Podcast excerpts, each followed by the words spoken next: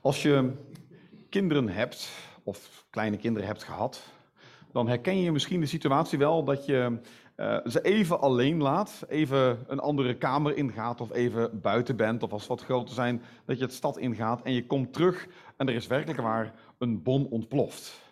Of er zijn uh, met verf aan de gang gegaan, met stiften op de muur en op elkaar. En ik denk dat er nog wel andere spullen zijn te vinden waar kinderen graag elkaar mee insmeren. En als je op internet kijkt, is dat het filmpje waar er veel mensen likes bij geven. Bij die kinderen die zich dan, het liefste de auto van papa met een kwastverf of zo, weet je wel. Als je even niet oplet, is het gebeurd. En eigenlijk hoef je daar niet eens kinderen voor te hebben. Huisdieren kan ook. Een tijdje geleden hadden, had ik wat vlees uit de vriezer gehaald om s'avonds te eten. En Eva en ik waren even een rondje wandelen. En ik kom terug en de katten hebben het vlees van het aanrecht gejat. Natuurlijk, had ik het maar op moeten bergen op een goede plaats.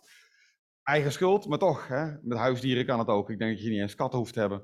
Dat honden ook zoiets kunnen doen. Uh, dat lijkt mij geen um, verrassing. Maar toch, dit is hetgeen wat er gebeurt in het, het, het laatste stukje van de Nehemia wat we gaan lezen. We lezen um, hoofdstuk 13 een stukje en het zal de laatste preek zijn in een serie. En we hebben een lange reis gemaakt. Als je hier voor de eerste keer naar luistert, dan, uh, dan denk ik dat je ook hier alleen al wel naar kunt luisteren.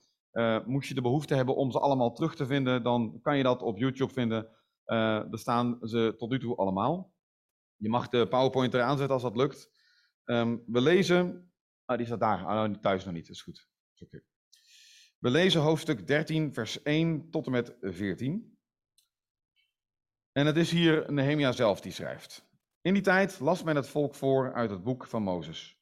Daarin bleek te zijn opgeschreven dat Ammonieten en Moabieten nooit of te nimmer tot Gods gemeenschap mogen worden toegelaten, omdat ze destijds geweigerd hadden de Israëlieten met brood en water tegemoet te gaan, en omdat ze Biliam hadden omgekocht om hen te vervloeken. Een vloek die door onze God werd veranderd in een zegen. Na het horen van deze wettelijke bepalingen zette men alle vreemdelingen apart van de Israëlieten.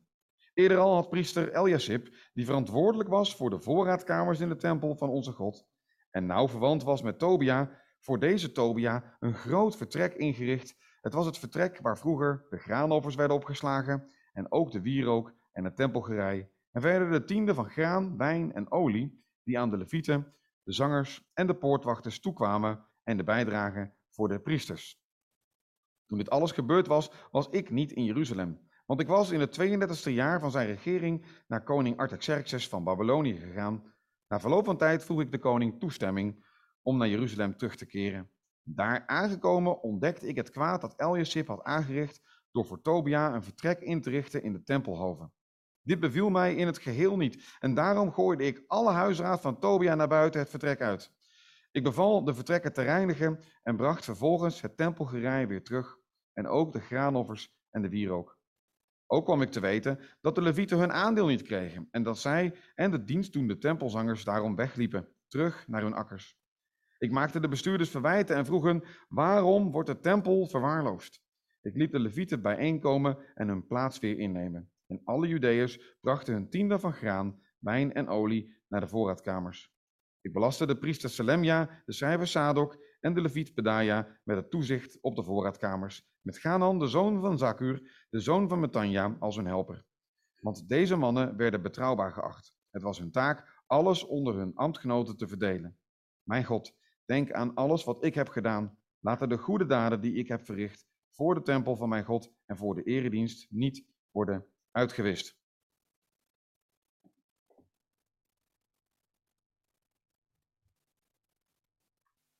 In, als je terug, een paar bladzijden terugkijkt, een paar hoofdstukken terugkijkt, dan zie je in hoofdstuk 8, dan, dan komt het volk bij, elkaar op de tempel, rond de tempel en, en dan wordt de wet voorgelezen.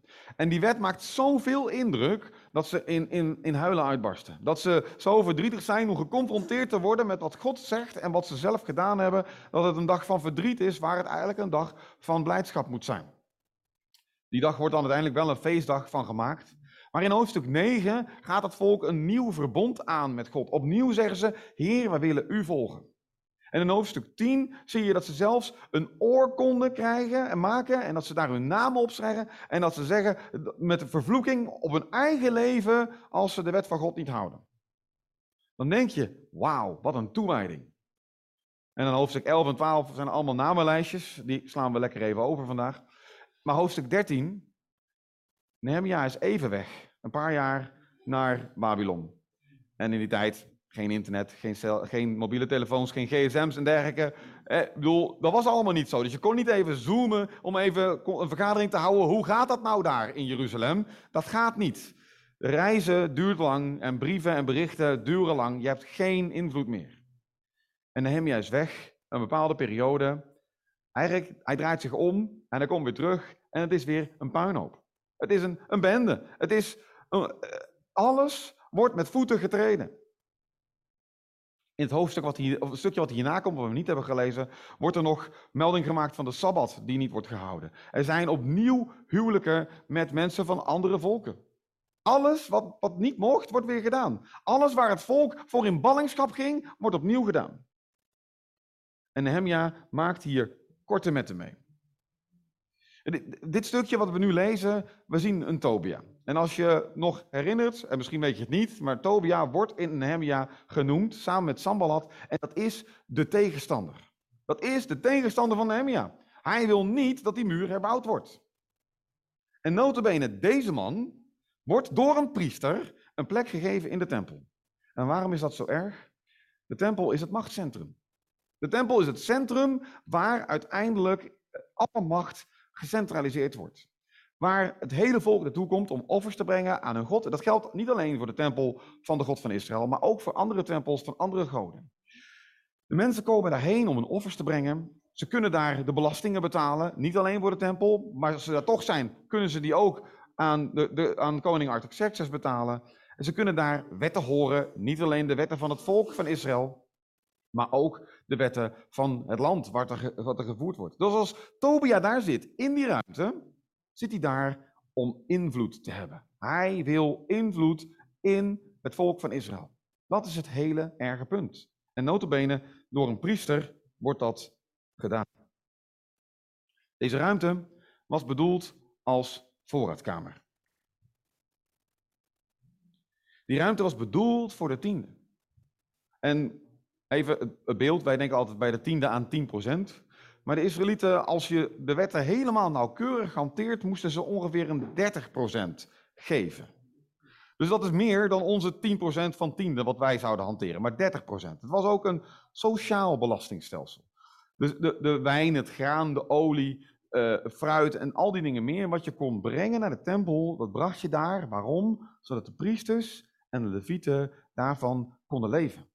Die mochten geen akkers, ze hadden het wel, staat hier. Hè? Ze mochten geen akkers, ze mochten geen grond bezitten. En ze moesten afhankelijk zijn van wat het volk zou geven, wat God door het volk heen hun zou geven. Zodat zij vrijgezet zouden zijn om voltijds God te dienen. Dat is het idee van tiende. Dat is het idee van geven aan God. En waarom wordt er gevraagd om te geven? Omdat je dat moet doen vanuit een dankbaar hart. Geven vanuit een dankbaar hart. Zeggen van Heer, dank u wel dat u mij zo gezegend hebt. Ik wil u het beste teruggeven, want u komt het beste toe. Dat is het idee van tiende. En dat deze ruimte leeg blijft en dat die dus gebruikt kan worden door Tobia, dat komt omdat die tiende dus niet gegeven werd. Daar zit uiteindelijk het diepere probleem. Het is niet alleen dat Tobia die ruimte inneemt, maar dat de tiende niet gegeven werden.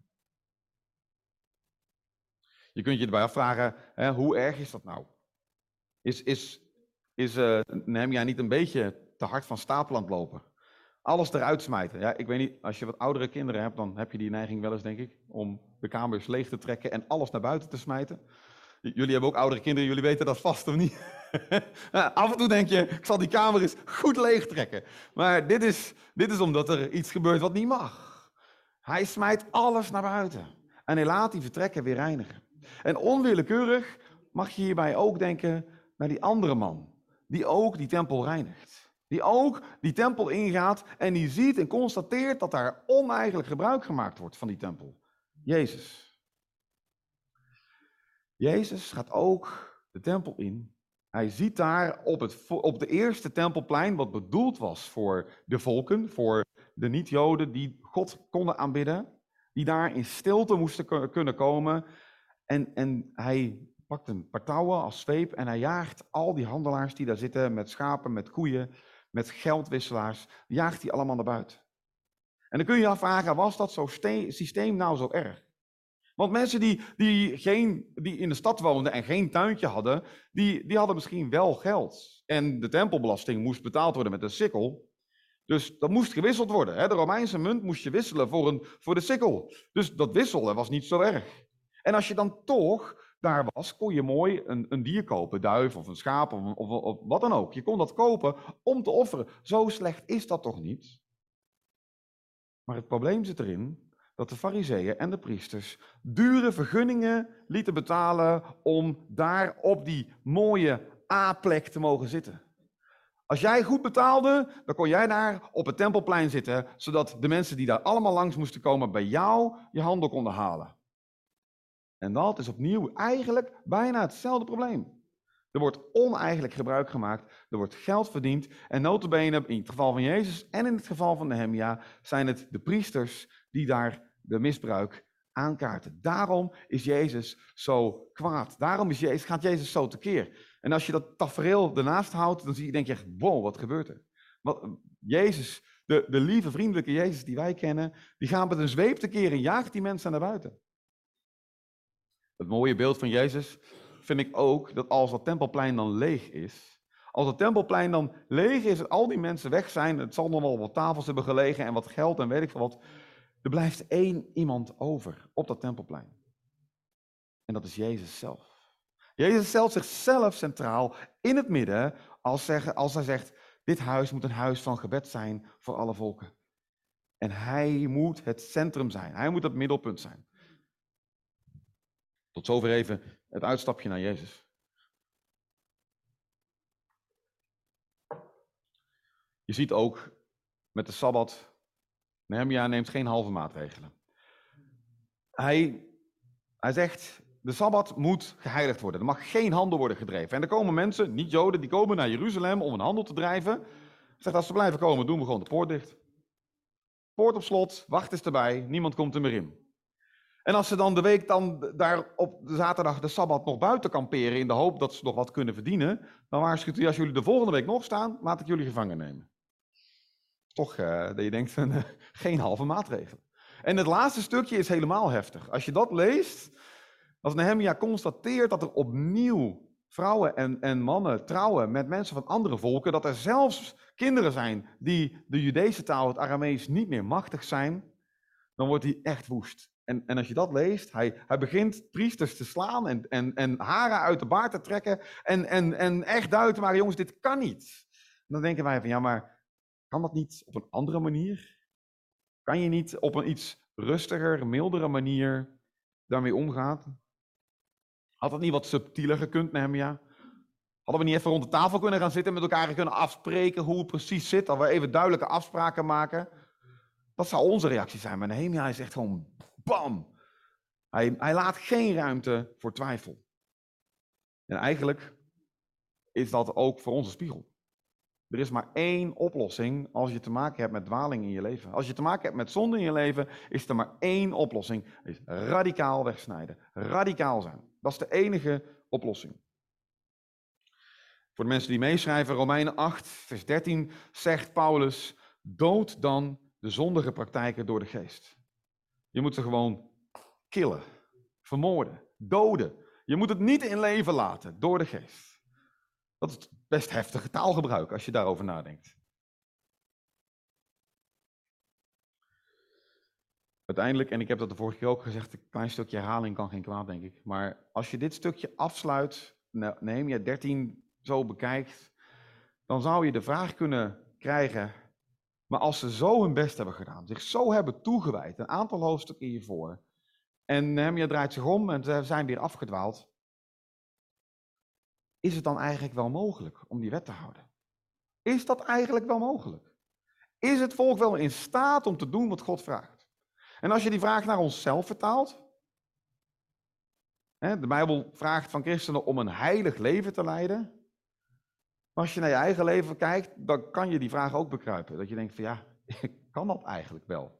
Kan ik wel heilig leven? Kan ik wel zonder zonde leven. Johannes is zo scherp altijd, hè? Als je, als je zonde in je leven hebt, dan hoor je Jezus niet toe. Nou, ik weet niet, maar dat is wel vrij scherp. Hè? Zo scherp zouden wij het niet willen zeggen. De vraag die, die blijft hangen, dat is, dat is het, het hoofdstuk. Er komt geen antwoord, behalve dan als je het in het totaalplaatje zet van de geschiedenis van het Oude Testament. Want in dezezelfde periode komt Jezaja op als profeet. En Jezaja in hoofdstuk 53 spreekt over de leidende knecht. De knecht, de dienaar van God, die de wandaden van velen op zich neemt. Hij zal lijden voor de ander. En wij weten, dat is Jezus. Maar, maar in die tijd, in de tijd van Nehemia, in de tijd van Jezaja, moest dat ook een stuk verwachting geven. Van ja, oké, maar als we het nu niet kunnen, wanneer komt die knecht dan? Wanneer komt die knecht die ons zal bevrijden? Uiteindelijk, Romeinen is daar heel duidelijk in. Romeinen 3, vers 22. God schenkt vrijspraak op grond van het geloof in Jezus. Dat is waar je op mag staan, op mag pleiten. Maar toch, praktisch, hoe ga je dan om als jij in je leven te maken hebt met een zonde die maar niet dood wil?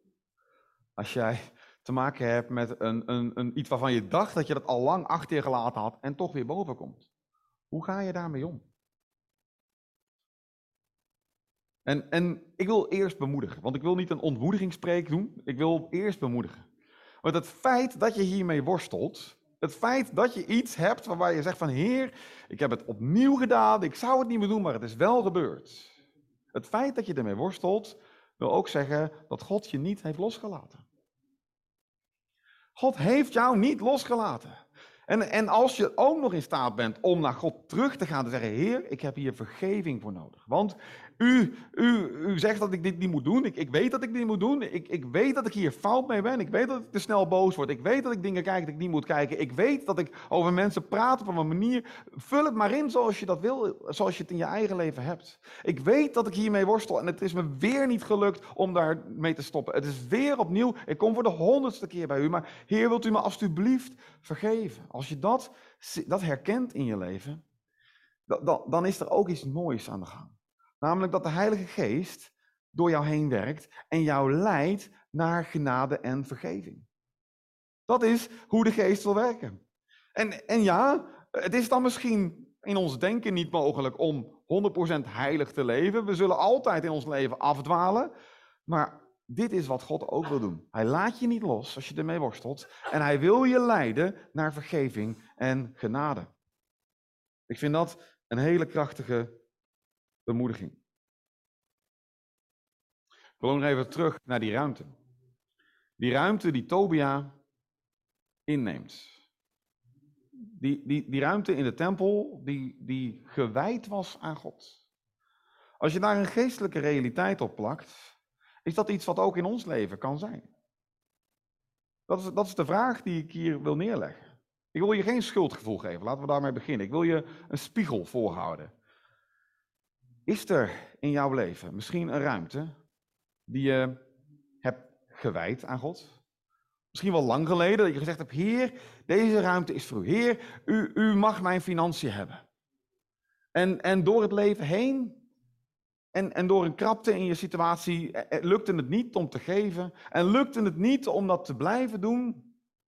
En heb je die ruimte anders ingevuld? Is daar als het ware die vijand ingekomen?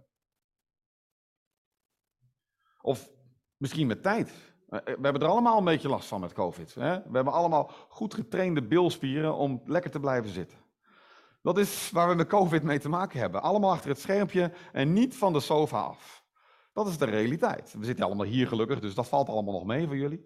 Maar, maar dat is wel waar we mee worstelen. Bedoel, je kan daar ook mee zitten en zeggen: Heer, ik heb mij, mijn tijd aan u gegeven. Ik weet, de kerk heeft een centrale plaats in het Nieuwe Testament. Dat is de plek waar we elkaar ontmoeten. Het is niet de bedoeling om alleen christen te zijn. En, en je kent die gedachte wel. Maar door de loop van de tijd ben je andere dingen gaan invullen. Is die tijd gaan afkalven. Dat kan voor de zondagsamenkomst zijn, dat kan voor het gebed zijn op maandag, dat kan voor de huiskring gelden. je weet zelf waar je mee worstelt, waar, waar dit mee te maken heeft. Ik, las gisteren een stukje, ik denk die schrijf ik nog op. Er was iemand die zei, maar ik hoef toch niet naar de kerk te gaan om christen te zijn? Nee, dat klopt. Je hoeft niet naar de kerk te gaan om christen te zijn. Helemaal gelijk. Je hoeft ook niet naar huis te gaan om getrouwd te zijn. Nee, ja, je kan getrouwd zijn als je op afstand blijft. Dat is prima mogelijk. Maar ik kan je wel één ding verzekeren. Als je maar lang genoeg wegblijft van thuis, heeft dat wel een invloed, invloed in jouw relatie. Als je maar lang genoeg wegblijft van thuis, dan heeft dat op een gegeven moment consequenties voor je huwelijk. En zo is het met God ook. Zo is het met je geloof ook. Als je maar lang genoeg wegblijft van de gemeente, van de kerk, van uh, samen gelovig zijn, want dat is de bedoeling. Het is nooit Gods doel geweest om in je eentje christen te zien. De vraag, ik herhaal hem nog een keer, is er ruimte in jouw leven waar jij gezegd hebt, Heer, ik heb die aan u gewijd. Dat is, ik, dat is helemaal voor u. Misschien heb je dat wel twintig jaar geleden gezegd. Heer, dat is helemaal voor u. Dit, dit, dit, dit is, geef mijn leven aan u volledig. Ook, ook dit stukje, mijn inkomen, mijn geld, mijn relaties. Maar in de loop van de tijd is dat verwaterd, is dat anders geworden. En is die ruimte leeg komen te staan, dacht je, ja, nou die toch leeg staat, kan ik het wel anders invullen.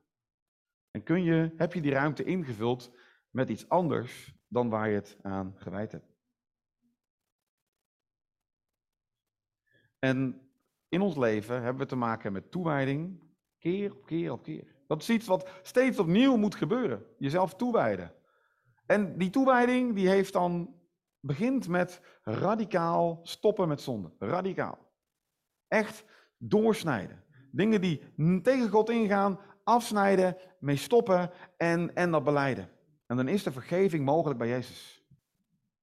Maar daarnaast mag je dan ook echt opnieuw naar God gaan en zeggen: Heer, deze ruimte heb ik verkeerd gebruikt. Ik ben hier anders mee omgegaan dan u bedoeld hebt. Wilt u mij maar opnieuw vullen?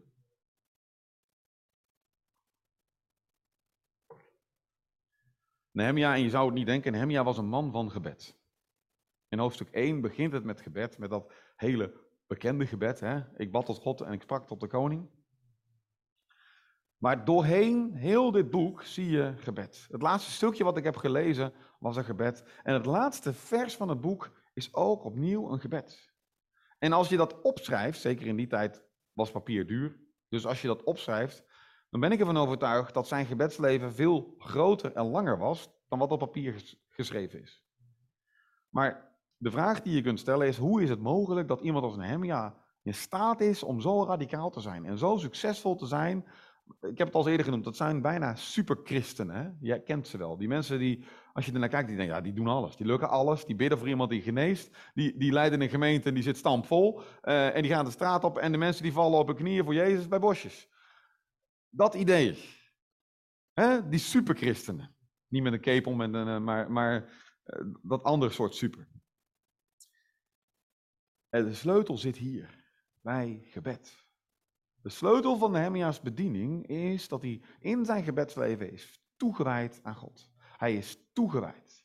Hij bidt keer op keer, dwars door de situatie heen. Als er iets gebeurt, dan bidt hij God, Heer, wilt u, wilt u mij zegenen? Wilt u maar herdenken wat ik heb gedaan? Wilt u maar dit zegenen? En als er iets, voordat er iets gebeurt, bidt hij en, en dan gaat hij aan aan de gang. Gebed is een doorlopende draad doorheen zijn hele leven. En dat is iets als we kijken naar Ezra en Nehemia, naar, naar die twee boeken, is iets wat de sleutel is om te komen tot een blijvende toewijding. Het was een, eh, een lange reis. Voor mij was dit 16 preken over Ezra en Nehemia. Um, maar ik vond het wel een boeiende reis. Voor mezelf ook. Um, ik wil afsluiten met een gebed. Um, en ik wil daar, dit nog bij zeggen. Als je aan de hand van, van morgen denkt, joh, ik heb al wel een kaartje ingevuld met een gebedspunt, maar eigenlijk zou ik dit nog willen opschrijven. Er liggen altijd kaartjes daar op het kleine tafeltje bij de uitgang. De doos staat daar ook. Schrijf er rustig iets op. Morgenochtend zullen Chris uh, en, en Lee en ik zullen daar tijd voor nemen om voor te bidden. En, en als je zegt, ik wil niet wachten tot morgenochtend, mag je ook iemand van ons gewoon aanspreken en zeggen, joh, ik worstel hiermee. Ik vind het lastig. Wil je gewoon voor me bidden? Is geen enkel probleem. is geen enkele. Je hoeft je daar niet voor te schamen. Het is, het is niet moeilijk. We kunnen gewoon voor je bidden. En we doen dat graag. Dus, dus gebruik dat ook. Gebruik die mogelijkheden. Laten we gezamenlijk dit moment afsluiten.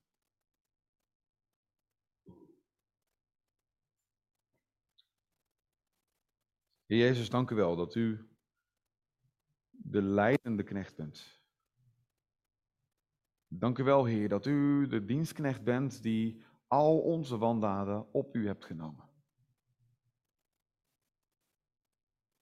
Heer, wij beseffen dat we niet in staat zijn om heilig te leven. Heer, we beseffen dat, we, dat het voor ons onmogelijk is om uit onszelf dicht bij u te zijn. Maar we danken u dat u dat mogelijk hebt gemaakt door uw offer en door het leven met de Heilige Geest. Heer, als er ruimtes zijn in ons leven die we aan u hebben gewijd, maar uiteindelijk anders hebben ingevuld, Heer, dan willen we dat ook beleiden. Willen we zeggen, Heer, wilt u die ruimte maar weer nemen? Wilt u dat reinigen met het bloed van uw zoon? En we willen dat opnieuw aan u toewijden. Ja, want u komt dat toe. U komt onze relaties toe, onze financiën. U komt onze, onze tijd toe. Wilt u dat zegenen? Wilt u zo bij ons zijn en door ons heen werken? Want wij hebben u zo hard nodig. Je help ons om, om gebed een blijvende plaats te geven in ons leven. Heer, geef ons een, een, een diep verlangen om u te zoeken elke dag. Ook in het midden van de dag, door onze werkzaamheden heen, om u te zoeken. Want u wil ons leiden en u bent het waard. Wilt u zo werken met uw Heilige Geest in ons leven. In Jezus' naam. Amen.